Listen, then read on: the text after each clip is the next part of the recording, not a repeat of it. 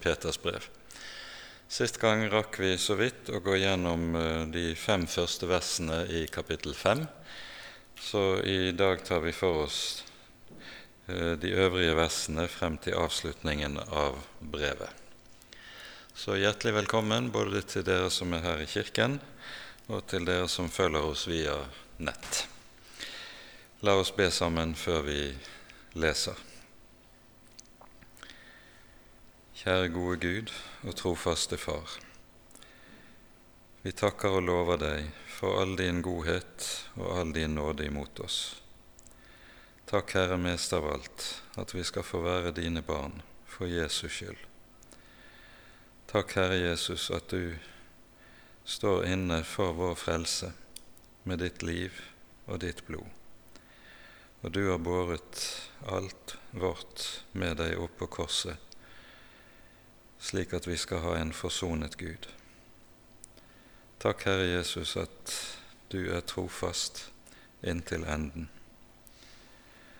Nå ber vi, Herre, at du vil sende din Hellige Ånd og være hos oss denne kvelden.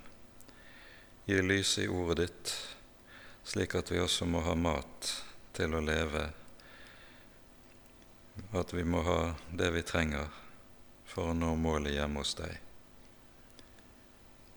Herre, forbarm deg over oss. Amen. Da leser vi fra 1. Peters brev, kapittel 5, og vi leser fra femte verset og ut kapittelet, i Jesu navn. Likeså skal dere unge underordne dere under de eldre og dere alle må ikle dere ydmykhet imot hverandre. For Gud står de stolte imot, men de ydmyke gir han nåde. Ydmyk dere derfor under Guds veldige hånd, for at Han kan opphøye dere i sin tid. Og kast all deres bekymring på ham, for Han har omsorg for dere. Vær edrue, våk.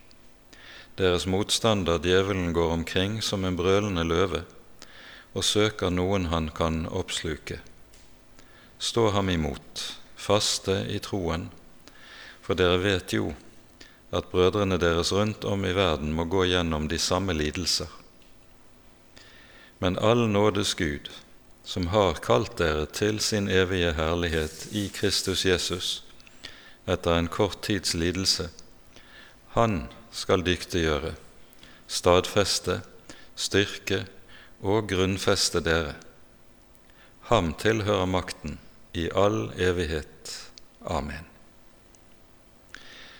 Med Silvanus, den trofaste bror, det holder jeg ham for, skriver jeg kort til dere for å formane og vitne at dette er Guds sanne nåde som dere står i Menigheten i Babylon, som er utvalgt sammen med dere, sender dere sin hilsen, likeså Markus, min sønn.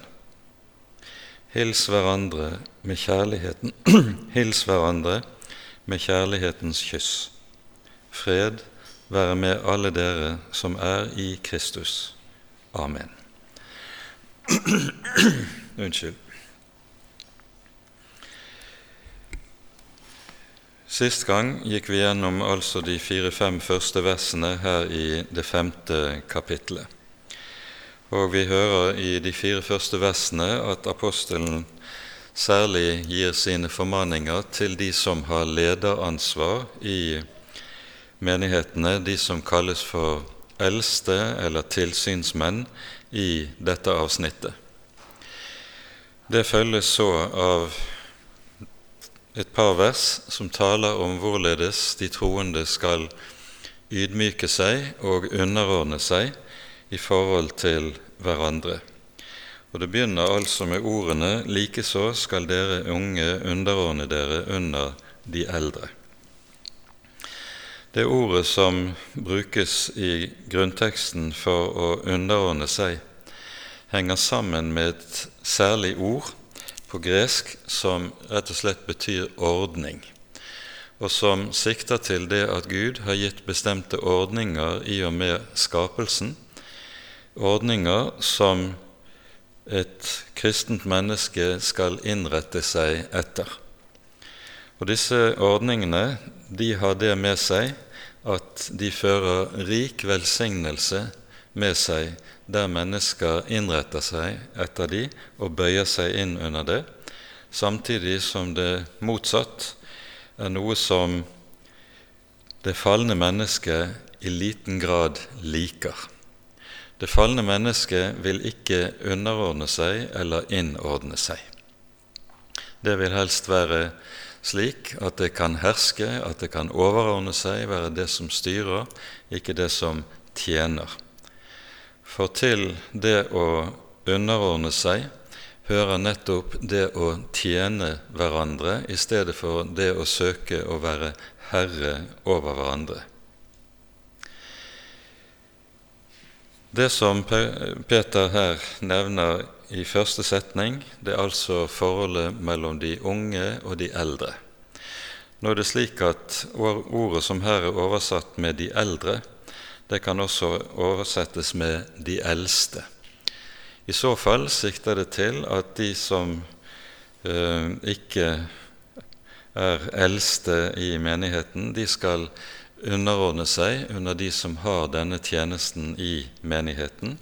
Vi var så vidt inne på dette i eh, forrige bibeltime og nevnte bl.a. ordene i Hebreabrevets 13. kapittel, der vi leser slik i det 17. verset.: Vær lydige mot deres veiledere og rett dere etter dem for de våker over deres sjeler og skal avlegge regnskap for det.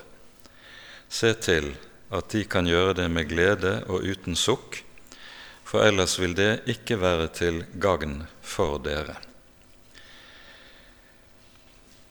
Der en underordner seg hverandre, så vil dette tjene til fred det vil tjene til at de troende øver seg i det å tjene hverandre. Og dette er altså noe som gjelder på en rekke ulike områder i livet der Gud har gitt sine ordninger. Det første som nevnes her i denne sammenheng, det er altså de unge skal underordne seg under de eldre. Ordene kan altså oversettes ikke bare slik at det sikter til de eldste i menigheten, som da eventuelt ville handle om den ordning og den orden som det skal være i den kristne menighet, men det sikter, kan også sikte til mer allment forholdet mellom unge og eldre eh, generelt. Og da er vi jo inne på en formaning som går stikk imot det som er vanlig tankegang i våre dager. I våre dager er det helst blitt slik at det er de eldre som skal innordne seg under og underordne seg under de unge, i stedet for det motsatte. Men i Skriften er det altså veldig tydelig her, og dette henger sammen med det vi lærer i det fjerde budet. Der det sies du skal hedre din far og din mor, så det går deg godt, og du får leve lenge i landet. Og Paulus gjentar dette budet i, bl.a. i Efeserbrevet og understreker at dette er det første bud som står med et eget løfte knyttet til seg. Likeledes lærer Bibelen oss at det er en ordning i ekteskapet der det også er tale om underordning.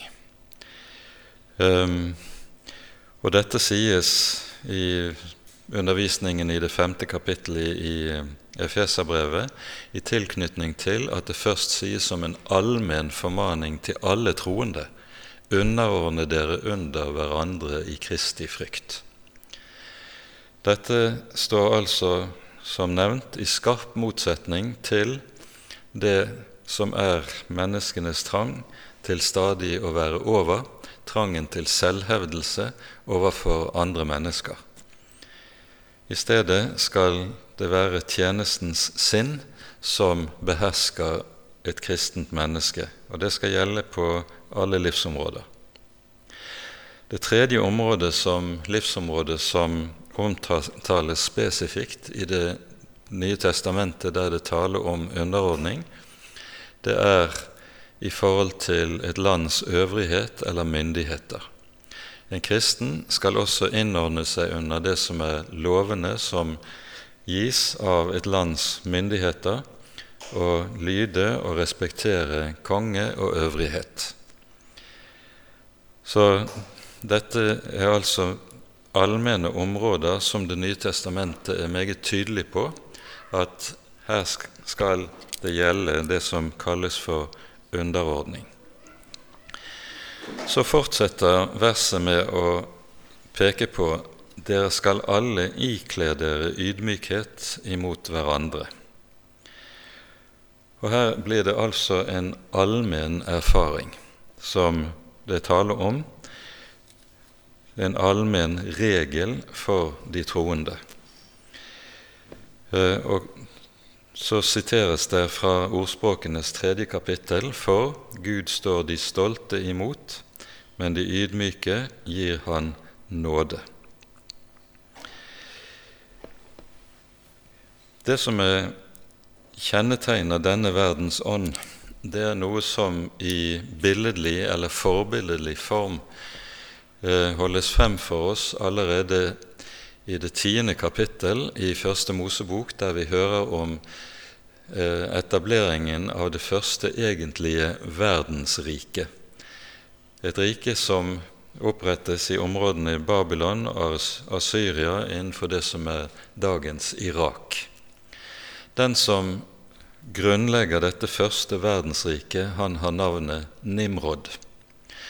Og Navnet Nimrod det betyr bokstavelig oversatt 'vi vil gjøre opprør'. Vi vil gjøre opprør. Og Nettopp denne ånd er verdensrikenes ånd, og den ånd som senere kommer til å kjennetegne ganske særlig det siste store verdensriket, som Bibelen minner oss om Antikrists rike. Det riket som har som kjennetegn det som sies i 2. Tessalonikabrevs 2. kapittel, der det sies tales om lovløshetens hemmelighet. Lovløshet det er det sinn som ikke vil bøye seg for Guds hellige lov, men i stedet gjør opprør. Og det er dette som altså er verdens ånd, og som ikke skal råde i Guds rike og mellom de troende. Gud har i stedet gitt sine ordninger. Og dette som berøres ved hjelp av begrepet underordning, det er noe som til og med går inn i fellesskapet mellom Faderen, Sønnen og Den hellige ånd i treenigheten. Det sies uttrykkelig i det 15. kapittel i første Korinterbrev at i fullendelsen så skal også Sønnen underlegge seg Faderen. Det innebærer ikke at Sønnen er mindre Gud og har mindre guddommelig rang enn Faderen, men det peker på den fullkomne harmoni og fred som vil råde i fullendelsen, der alt svarer til den fredens ordning som Gud har gitt i skaperverket, og som råder i den treenige Gud selv. Så kommer det altså i fortsettelsen her i Petersbrevet i det neste verset Ydmyk dere derfor under Guds veldige hånd, for at Han kan opphøye dere i sin tid. Det vi der skal legge merke til, er at ydmykhet i forhold til vår neste og ydmykhet i forhold til Gud knyttes sammen. En som er hovmodig i forhold til sin neste, han vil ikke kunne være ydmyk overfor sin Gud og sin skaper, og vice versa. Derfor handler det å ydmyke seg under Guds veldige hånd om noe som også vil styre den ånd som vil råde i forhold til min neste. Så kommer det da altså i dette det taler om en ånd som er stikk motsatt det som råder her i verden. Og vi kan godt gjøre den allmenne regel som Paulus gir oss i Romerbrevets tolvte kapittel, gjeldende også her på dette området. Skikk dere ikke like med denne verden, men bli forvandlet ved fornyelsen av deres sinn, så dere kan prøve hva som er Guds vilje. Det er et viktig poeng i forbindelse med det som Paulus sier her i Romerne 12. Det er noe vi har pekt på ved tidligere anledning også, at der kristne begynner å skikke seg like med verden, der vil det ha som konsekvens at de blir ute av stand til å prøve hva som er til Guds velbehag, Det vil Si, de mister åndelig dømmekraft. Forutsetningen for åndelig dømmekraft det er altså dette å ikke skikke seg like med verden, men leve i det samfunn med Herren Jesus i evangeliet som fører til fornyelsen av sinnet, slik Paulus taler om det her i disse versene. Når det så tales om å ydmyke dere under Guds veldige hånd, for at Han kan opphøye dere i sin tid, så er jo dette ord som henger nøye sammen med eh, noe Jesus har sagt ved flere anledninger, slik vi hører det i evangeliene. Nemlig den som opphøyer seg selv, skal fornedres. Den som fornedrer seg selv, han skal opphøyes. Den som på denne måten bøyes, han vil få den, det som vi kan kalle en stille ånd. Å ydmyke seg under Guds veldige hånd det handler bl.a. å bøye seg for den ledelse som Gud fører inn i et menneskes liv, når han også lar et menneske oppleve lidelse. Vi eh, har en historie fra engelsk kirkeliv der det var en eh, Eh, pastor som hadde bedt til Gud om større ydmykhet. Og så opplevet han motgang, lidelse, også fra mennesker. Og han syntes dette var uhyre vanskelig. Og når han ved en anledning da ba i sin nød på grunn av alt dette, kom det til han, du, Herren sier til ham, du, altså, du ber altså om ydmykhet, men du vil ikke bli ydmyket. For ofte er det slik at ydmykhet læres gjennom at vi nettopp blir ydmyke, ydmyket og lærer å bøye oss under Guds hånd. Dette har vi et forbilde på i Jesaja-bokens 38. kapittel. Her hører vi om hvordan vår kong Hiskia blir dødssyk, og sykdommen og dødsleiet for han fyller han med stor redsel og stor frykt. Vi hører hvorledes profeten Jesaja blir sendt til ham og sier til ham 'Beskikk ditt hus, for du skal dø'. Og Hiskia gråter i sin frykt innenfor døden og for dommen.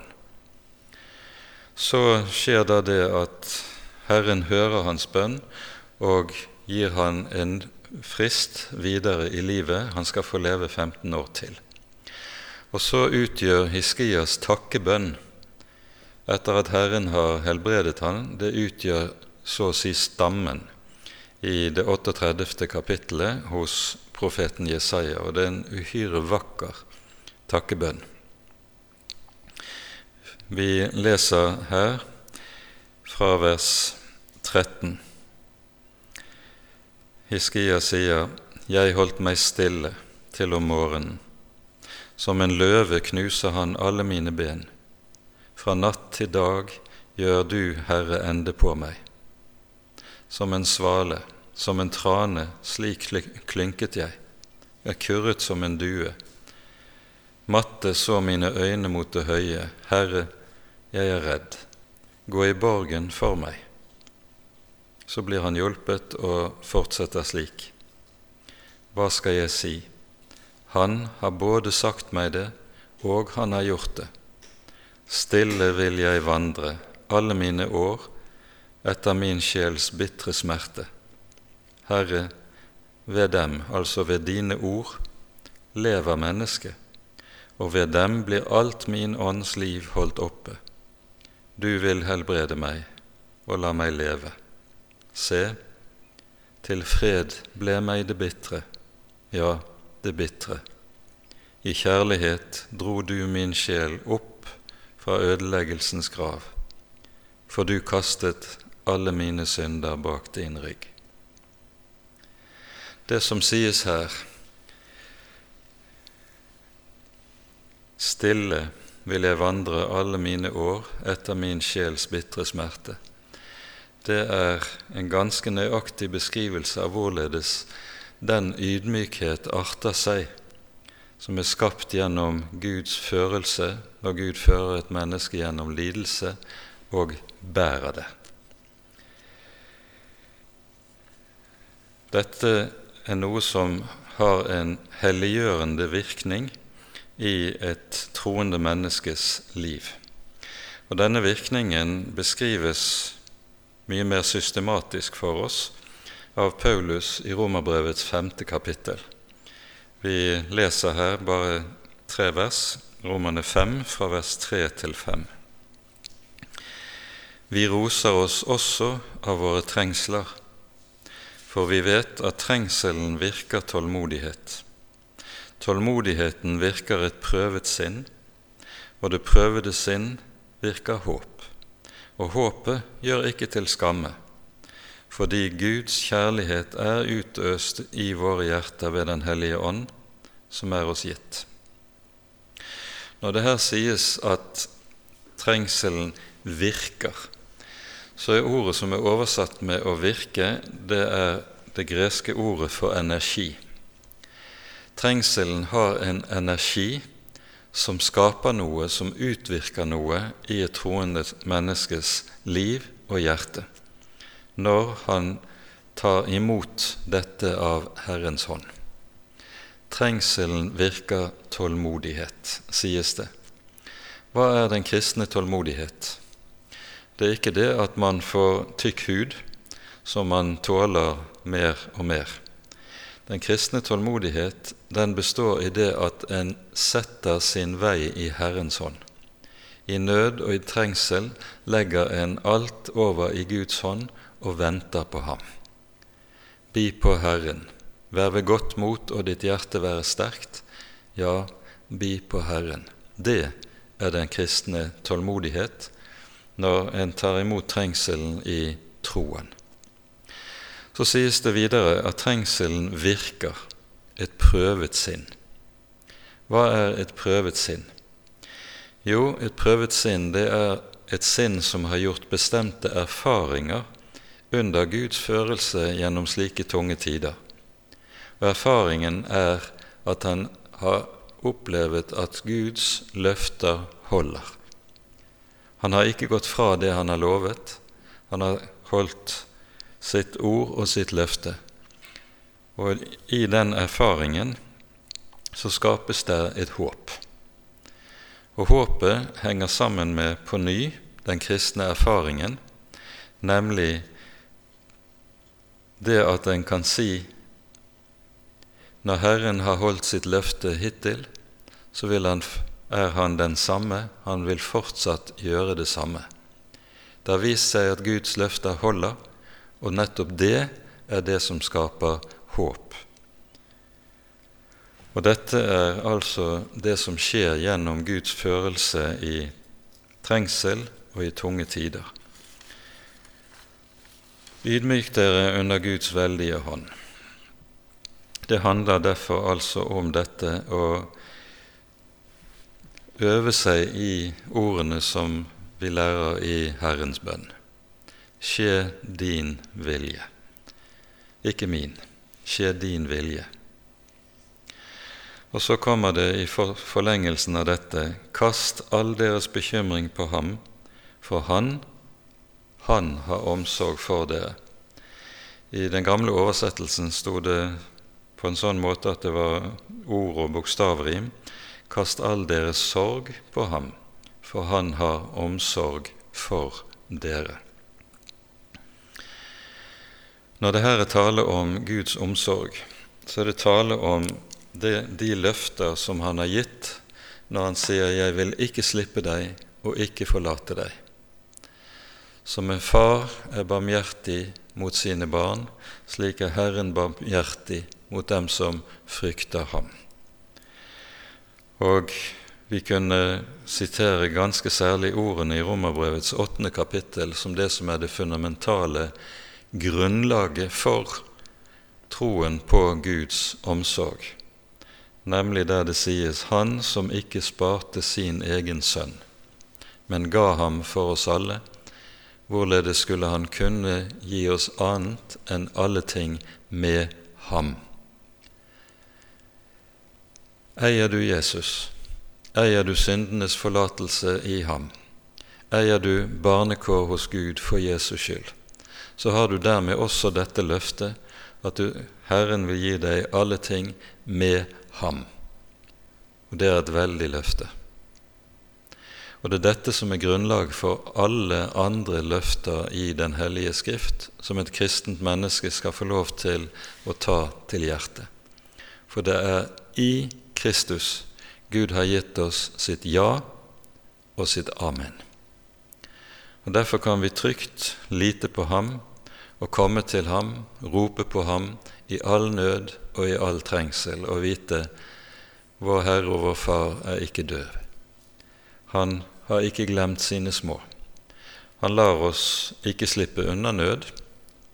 Han lar oss ikke slippe unna trengsel.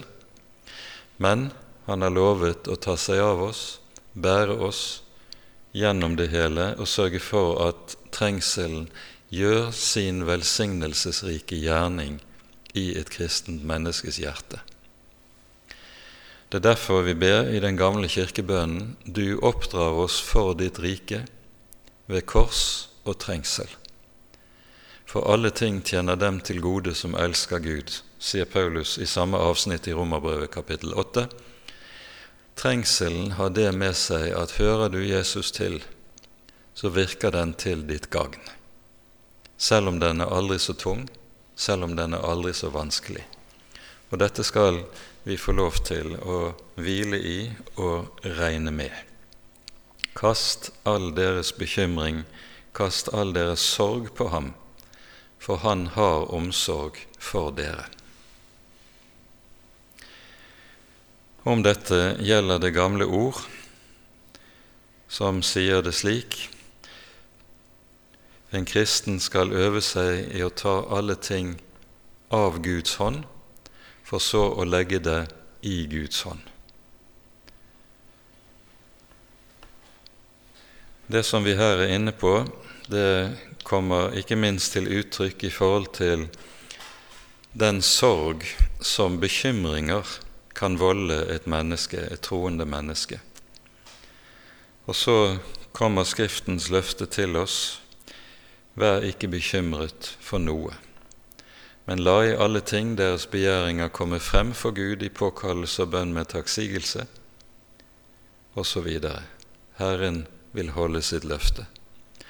Og Når Jesus taler om at en kristen ikke behøver å bekymre seg, slik vi hører det i Matteusevangeliet kapittel 6, og taler om himmelens fugler og blomstene på marken, og sier når Gud tar seg av disse, hvor meget mer vil han da ikke ta seg av dere, dere lite troende? Legg merke til at Jesus nettopp sier at han vil ta seg av de som er lite troende. Det ligger altså ikke som et krav i bunn at en skal ha så og så stor tro før en kan regne med at Herren tar seg av en. Nei, også de som har liten tro, tar han seg av. Og det kan være godt å vite for deg og for meg, som ofte tem, føler troen vår er ganske så skrøpelig. Vi har en stor frelser, selv om vi er meget svake i troen. Så fortsetter Peter i det åttende verset med å tale om den største trengsel som de første kristne var kastet inn i, og som jo også er noe av grunntema i 1. Peters brev, nemlig forfølgelsen. Det er under Nero at man opplever den første virkelig store og vidtgående forfølgelsen. Og Peter skriver jo sitt første brev nettopp fra Roma. Vær edrue, sies det, våk. Deres motstander, djevelen, går omkring som en brølende løve og søker dem han kan oppsluke. Stå ham imot, faste i troen, for dere vet jo at deres brødre rundt om i verden må gå gjennom de samme lidelser. Så den djevel som går rundt som den brølende løve, det siktes til dette ganske særlig til den forfølgelse som de kristne er utsatt for, og som altså det står en helt bestemt åndsmakt bak, nemlig den onde selv. Det er djevelen som forfølger de troende fordi han hater Jesu navn og evangeliet som de troende bærer vitnesbyrd om. Formaningen her og oppmuntringen her begynner med ordene 'vær edrue og våk'. Når det brukes ordet edru, så siktes det ikke bare til det som Det nye testamentet minner oss om når det i Efeserbrevet sies 'drikk dere ikke drukne på vin, men bli fylt av Ånden' men det siktes til noe mer allment som vi kan kalle for åndelig edruelighet. Og nettopp det ser ut til å være en særlig nødvendig formaning. Når vi hører om hvem det er som skal utses til å ha tjeneste som eldste, som tilsynsmenn, som diakoner i menighetene, så sies det gjennomgående i alle disse listene over hvem som skal få disse tjenestene, de skal være edrue. Og Da menes det edruelig i betydningen åndelig nøkternhet. Vi kan godt oversette dette ordet med nøkternhet, det å være balansert og ha selvkontroll, ikke gi seg hen til ulike typer åndelige overdrivelser. Og Det kan se ut til at nettopp dette i våre dager også er en særlig nødvendig formaning. For vi ser at det særlig på to områder kan være se ut til å gi seg uttrykk alt annet enn åndelig edruelighet. Det ene har med forholdet til det som har med de siste ting å gjøre. Man kan av og til, når en ser mennesker bli opptatt av de siste tider og de siste ting, eh, se at så å si enhver åndelig edruelighet gis på båten, og en gir seg hen i ville spekulasjoner, og den nøkternhet som hører troen til, den blir borte. Jeg husker mor fortalte eh, da jeg var liten, så eh, hadde mine foreldre et par år i Frankrike eh, med arbeid som var gitt der. Og mens de var i Frankrike, fremtrådte det profeter som fortalte at Jesus skulle komme igjen på en bestemt dato. Og da var det en rekke mennesker som forlot kastet alt de hadde i hendene, forlot arbeid, hjem, ansvar, ekteskap osv. Og, så og gikk opp i fjellene for å kunne ta imot Jesus når han kom igjen. Dette er nettopp det motsatte av åndelig edruelighet. Det andre området der eh, en ser at dette ser ut til å mangle, det er innenfor store deler av den karismatiske bevegelse, der en gir seg hen til alle mulige enten ekstatiske ytringsformer som er dypt, dypt fremmed for bibelsk kristendom, og eventuelt også hengir seg til eh, overdrivelser, særlig på sånne områder som har med forhold til sykdom og helbredelser. Det er dessverre slik at gang på gang i Kirkens historie dukker det opp slike predikanter som hevder at Gud er god og vil at alle skal ha det godt. Følgelig vil Gud ikke at du skal være syk. Så er du syk, så er det enten tegn på at du har for lite tro, eller at du egentlig er underlagt Guds dom og Guds frede. Slike mennesker kaster altså i tillegg til den belastning som syke har i kraft av sin sykdom, kaster de syke inn i tillegg under, inn under den fortvilelse som består i at de med dette får høre at din sykdom er tegn på at Gud har forlatt deg. Dette er altså den typen åndelige overdrivelser og mangel på nøkternhet som en kan møte innenfor ulike bevegelser, og som er dypt fremmed for Bibelen. Vær edrue, sier Skriften. Og så kommer det neste våk. Når Peter minner om å våke, så har han ganske sikkert i minne sin egen opplevelse fra Getsemane, hvor det var så såre vanskelig å holde seg våken under Jesu prøvelse i Getsemane. Og Denne vansken med å holde seg våken ved denne anledning, det blir samtidig også et bilde og et forbilde på det som ser ut til stadig å være en fare for Guds folk. Nettopp når den onde er sterkest i sin virksomhet, nettopp da ser det ut til at det er aller lettest for de troende å komme til å falle i åndelig søvn. Og Derfor ser vi også at den formaning som går igjen kanskje hyppigst når Jesus taler om de siste tider og de siste ting, det er nettopp våk. For de siste tider vil være tider med stort frafall fra troen blant de kristne. Og dette frafall henger ganske sikkert sammen med nettopp vansken med å holde seg våken. For her er det slik.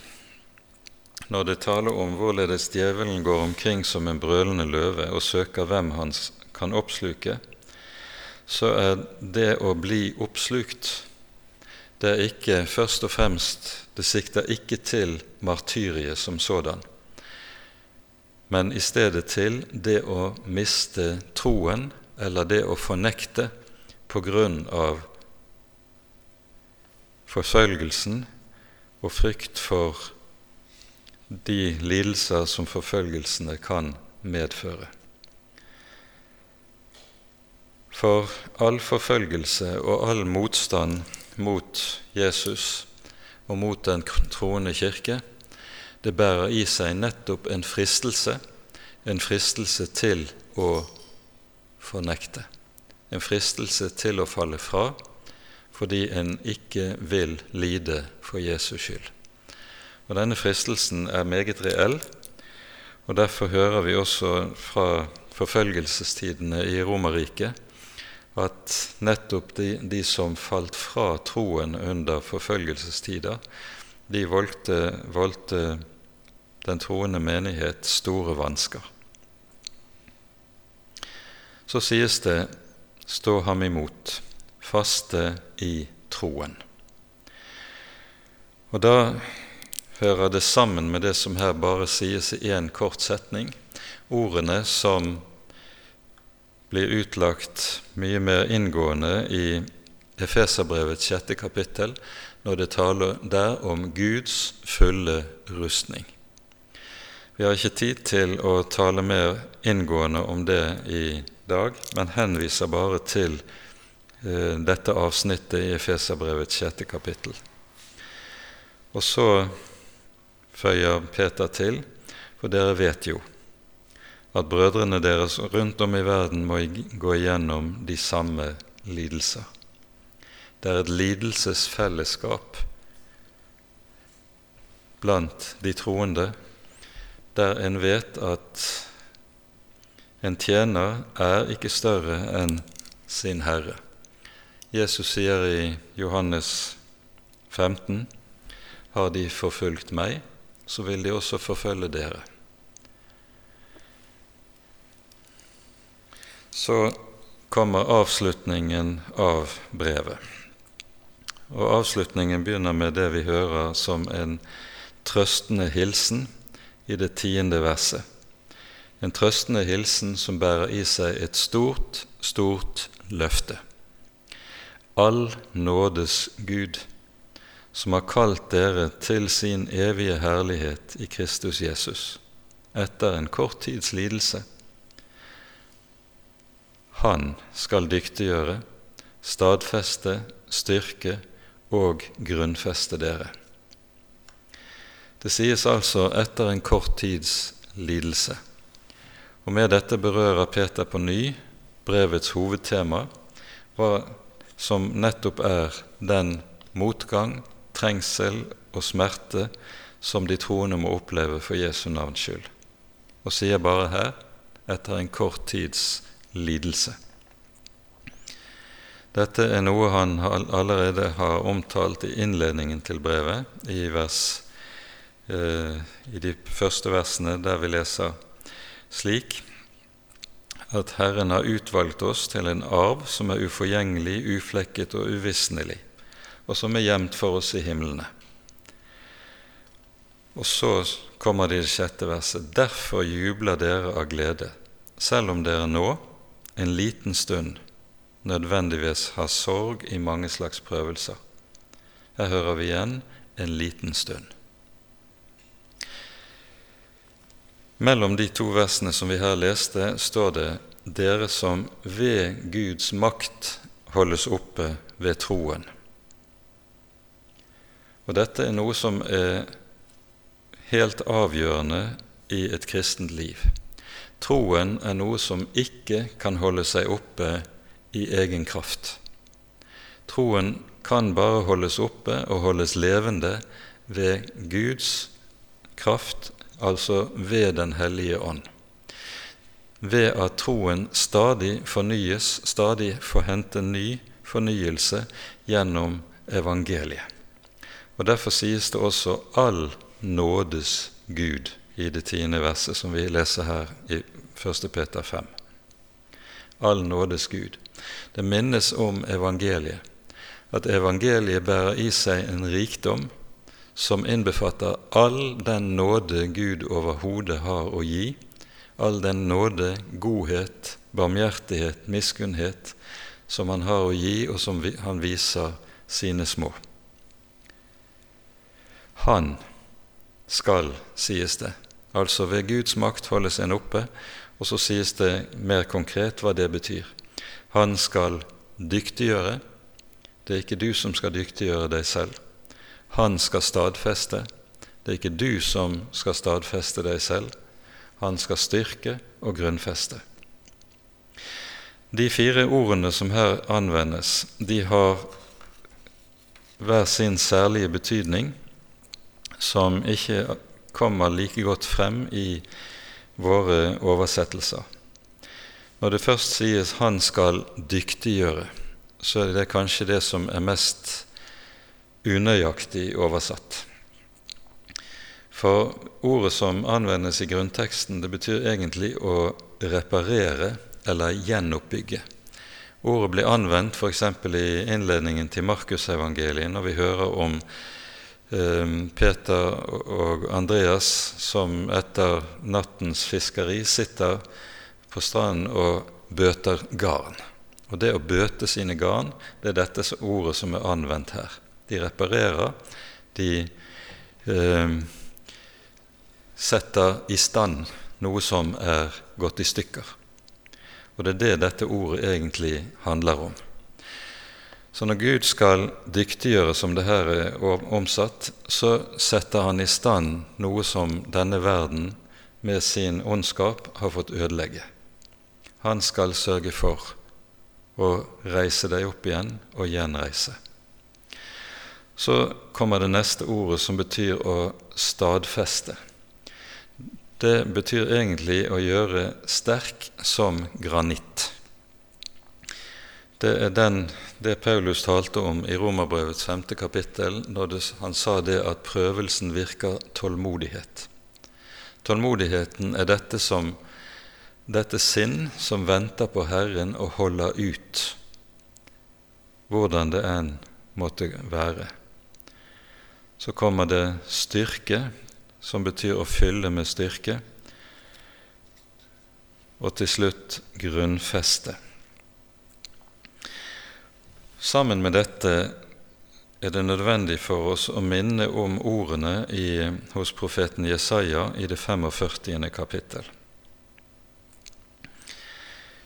Her er det tale om uh, hvorledes Herren, når Han åpenbarer sin frelse, så skal responsen til dette lyde slik som det sies i de to siste versene i Jesaja 45. De skal si om meg, altså Herren sier de skal si om meg, bare i Herren er det rettferdighet og styrke. Vi som er eh, vokst opp i og er fortrolig med evangelisk kristendom, vi er vant til å tenke bare i Herren er rettferdighet. I oss er det ingen rettferdighet. Den rettferdighet for Gud som vi får, som vi eier, den får vi i Kristi person. Det er Han som er vår rettferdighet. Og Derfor kan vi si bare i Herren er det rettferdighet. Men vi er ikke så vant til å si at bare i Herren er det styrke. For vi er meget opptatt av selv å få styrke eller eie styrke, selv være sterke. Men her sannes det virkelig det som Paulus underviser om når han taler om tårnen i kjødet. Der sier han at det er når jeg er svak, jeg er sterk. For mitt, for Herren lar sin styrke eller sin kraft fullendes i din og min svakhet. Nettopp i svakheten så er det en lærer, dette som her sies, bare i Herren er det styrke. For den som er sterk i seg selv, han vil ikke være avhengig av Herren. Men den som blir svak i seg selv, for han blir det slik at det er Herren som er hans styrke. Det er Herren som er hans tilflukt. Det er Herren som er hans hjelp. Så Derfor lyder det sånn altså her hos Jesaja. De skal si om meg, bare i Herren er det rettferdighet og styrke. Til ham skal de komme, og til skamme skal de bli alle de som brenner av harme mot ham. Ved Herren skal hele Israels ett bli rettferdiggjort. Og derfor, sies det, derfor skal de også rose seg i Herren. De roser seg ikke av seg selv, i seg selv, av hva de er i seg selv, eller hva de har å fare med i seg selv. Og Det er denne tankegangen som også ligger i bunnen når det står at all nådes Gud skal dyktiggjøre, stadfeste, styrke og grunnfeste. Dette er noe som Herren gjør, og han gjør det gjennom å skape avhengighet av evangeliet. Ordet grunnfeste er noe som går igjen i en rekke sammenhenger i uh, vår bibel, og peker på noe som er helt avgjørende. I um, norsk natur har vi to ulike treslag som er ganske forskjellige. De er meget forskjellige, nemlig med tanke på rotsystemet. Grantreet det er sånn når det gjelder rotsystemet, at røttene de går ned i jorden, og så sprer de seg under overflaten langs bakken. Så grantreets røtter går ikke synderlig dypt. Og Derfor ser man ofte at hvis det kommer riktig kraftige stormer, så ryker grantreet over ende, de velter, du får rotvelt fra grantrær. Furuen derimot, den har en helt annen rot. Den har en pelerot som går dypt ned i jorden. Røttene ligger ikke grunt under overflaten, men roten går dypt ned. Derfor vil det være slik også at når stormen kommer, så velter ikke furuen, for den har en annen rot. Og det er dette det siktes til. Det handler om å få en rot som går så dypt at den ikke velter når stormene kommer, og grunnfestes. Dette bildet knyttes det til i Jesaja-bokens 27. kapittel, der det taler om Israels folk så under bildet av vin, vintreet, og så har vintreet opplevd stor trengsel.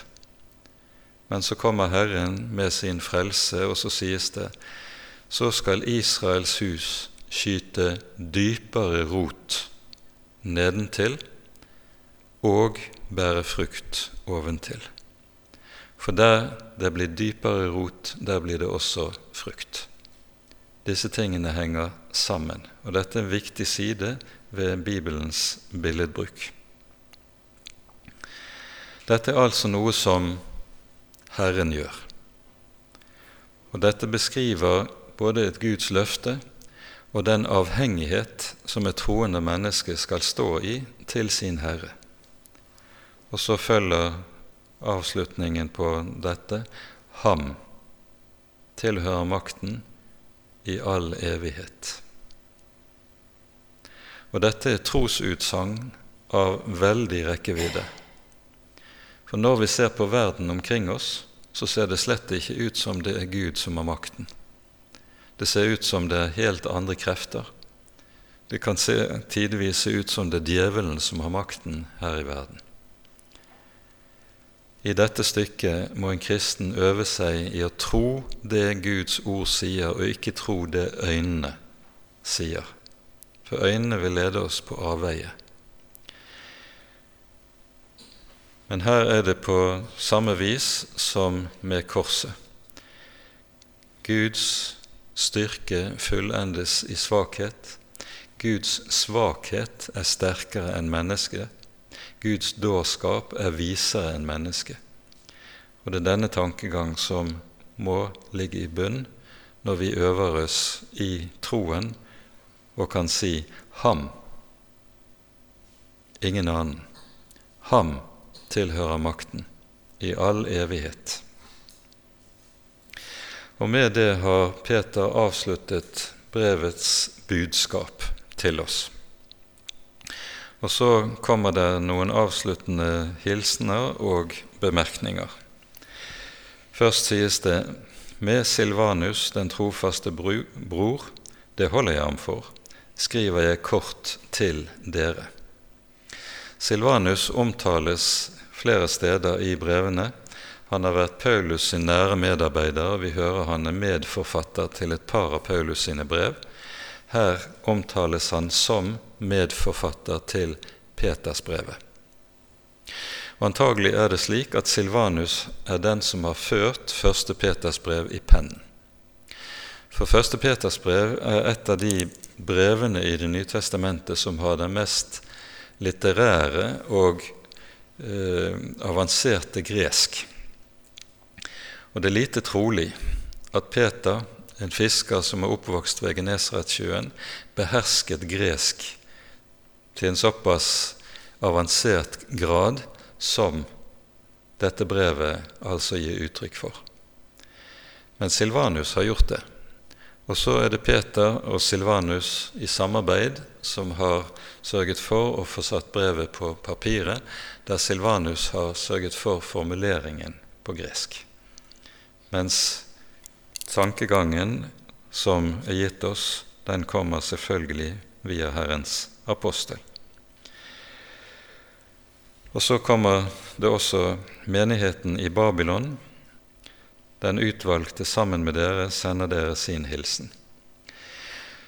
Peter besøkte aldri Babylon, men Babylon er i Det nye testamentet et dekkord for Roma. Den fordervelse som kjennetegnet Babylon, den kom også til å kjennetegne Romerrikets store hovedstad. Så både blant jødene og blant de første kristne kom Babylon så å si til å bli brukt som dekknavn for byen Roma. Og det er menigheten her i byen Roma som altså sender sin hilsen til brevets mottakere. Og så nevnes det også, og likeså Markus, min sønn.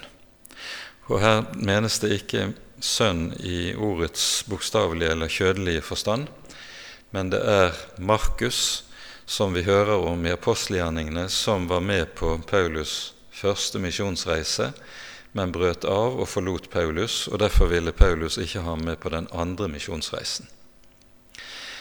Men fra kirkefedrene hører vi at Markus kom til å være sammen med Peter på slutten av Peters virke, og det er Markus som på, enten på Peters diktat eller etter hukommelsen fra å lytte til Peters forkynnelse, så har nedskrevet Markus evangeliet. Dette forteller kirkefedrene oss. Så det er altså den Markus som var sammen med Peter og virket som Peters tolk i Roma.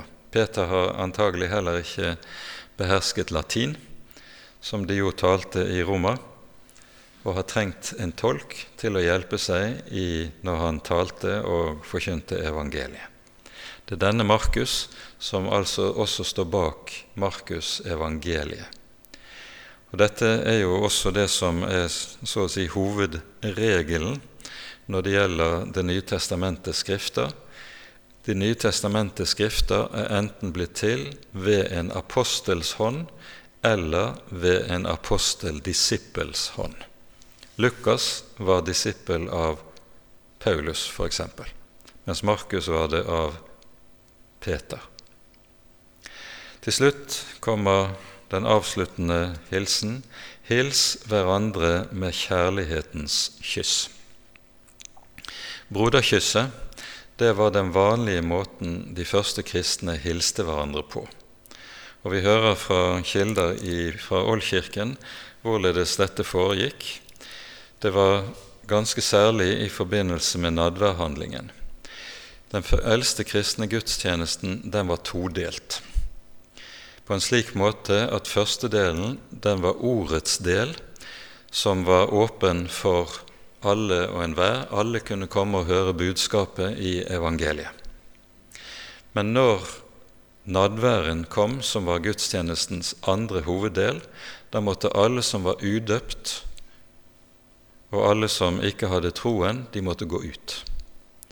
Og Ofte ble dette skillet markert ved at da nadværen skulle begynne, så stilte en menighetstjener eller diakon seg frem i koret og sa 'Det hellige for de hellige'. Og så ble bare den troende menighet tilbake, og de skulle da hilse hverandre med troens kyss, eller kjærlighetens kyss, som tegn på at her rådet der fred, det var ingen fiendskap, ingen motvilje, intet uvennskap mellom de troende. For var det uvennskap, så skulle de ikke gå til Herrens bord. Så dette ble praktisert på denne måten. Og antagelig var det også slik i henhold til det som var alminnelige regler, ikke minst innenfor jødedommen, at menn og kvinner ikke ga hverandre kyss, men det var menn som ga hverandre kyss, kvinner som ga hverandre dette broderkyss, eller øh, vennskapskyss, som det egentlig bokstavelig står i grunnteksten. Så med det har vi et glimt av, fra noe av den eldste kristne menighets liv og fellesskap. Og denne talen om det hellige kyss, som det også kalles, det omtales også ved avslutningen av fire av Paulus sine brev. Begge korinterbrevene avsluttes med dette 'hils hverandre med et hellig kyss', og likeledes første Tessalonika-brev og Romerbrevet. Så det er tydelig at dette har vært noe som har vært lagt vind på blant de troende. En skulle så å si i symbolsk form markere freden og den innbyrdes kjærlighet og fellesskap mellom de troende. Og det ble gjort på denne måten. Hils hverandre med et hellig kyss. Fred være med alle dere som er i Kristus Jesus. Peter nøyer seg ikke med å si 'fred være med dere alle', men han sier 'fred være med dere som er i Kristus Jesus'. For det er Jesus som er vår fred. Og den fred vi eier, slik som Paulus skriver det i Romerbrevets femte kapittel, da vi nå altså er rettferdiggjort av troen, nemlig troen på Jesus, har vi fred med Gud ved vår Herre Jesus Kristus. Det er den fred det taler om. Det er freden i Kristi person. Og Med det så har vi nådd mål og er kommet til avslutningen av 1. Peters brev. Ære være Faderen og Sønnen og Den hellige ånd, som var og er og være skal, en sann Gud, høylovet i evighet. Amen.